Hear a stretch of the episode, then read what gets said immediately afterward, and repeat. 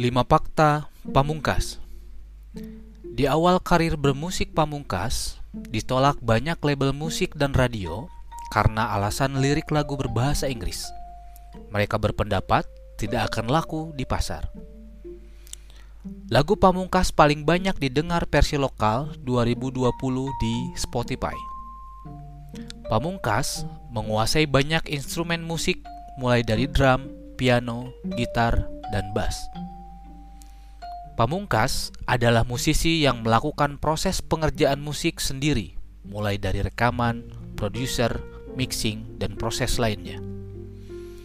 Memiliki gangguan pendengaran sedari kecil, lebih tepatnya half deaf, baru usia 18 tahun sembuh. Terima kasih.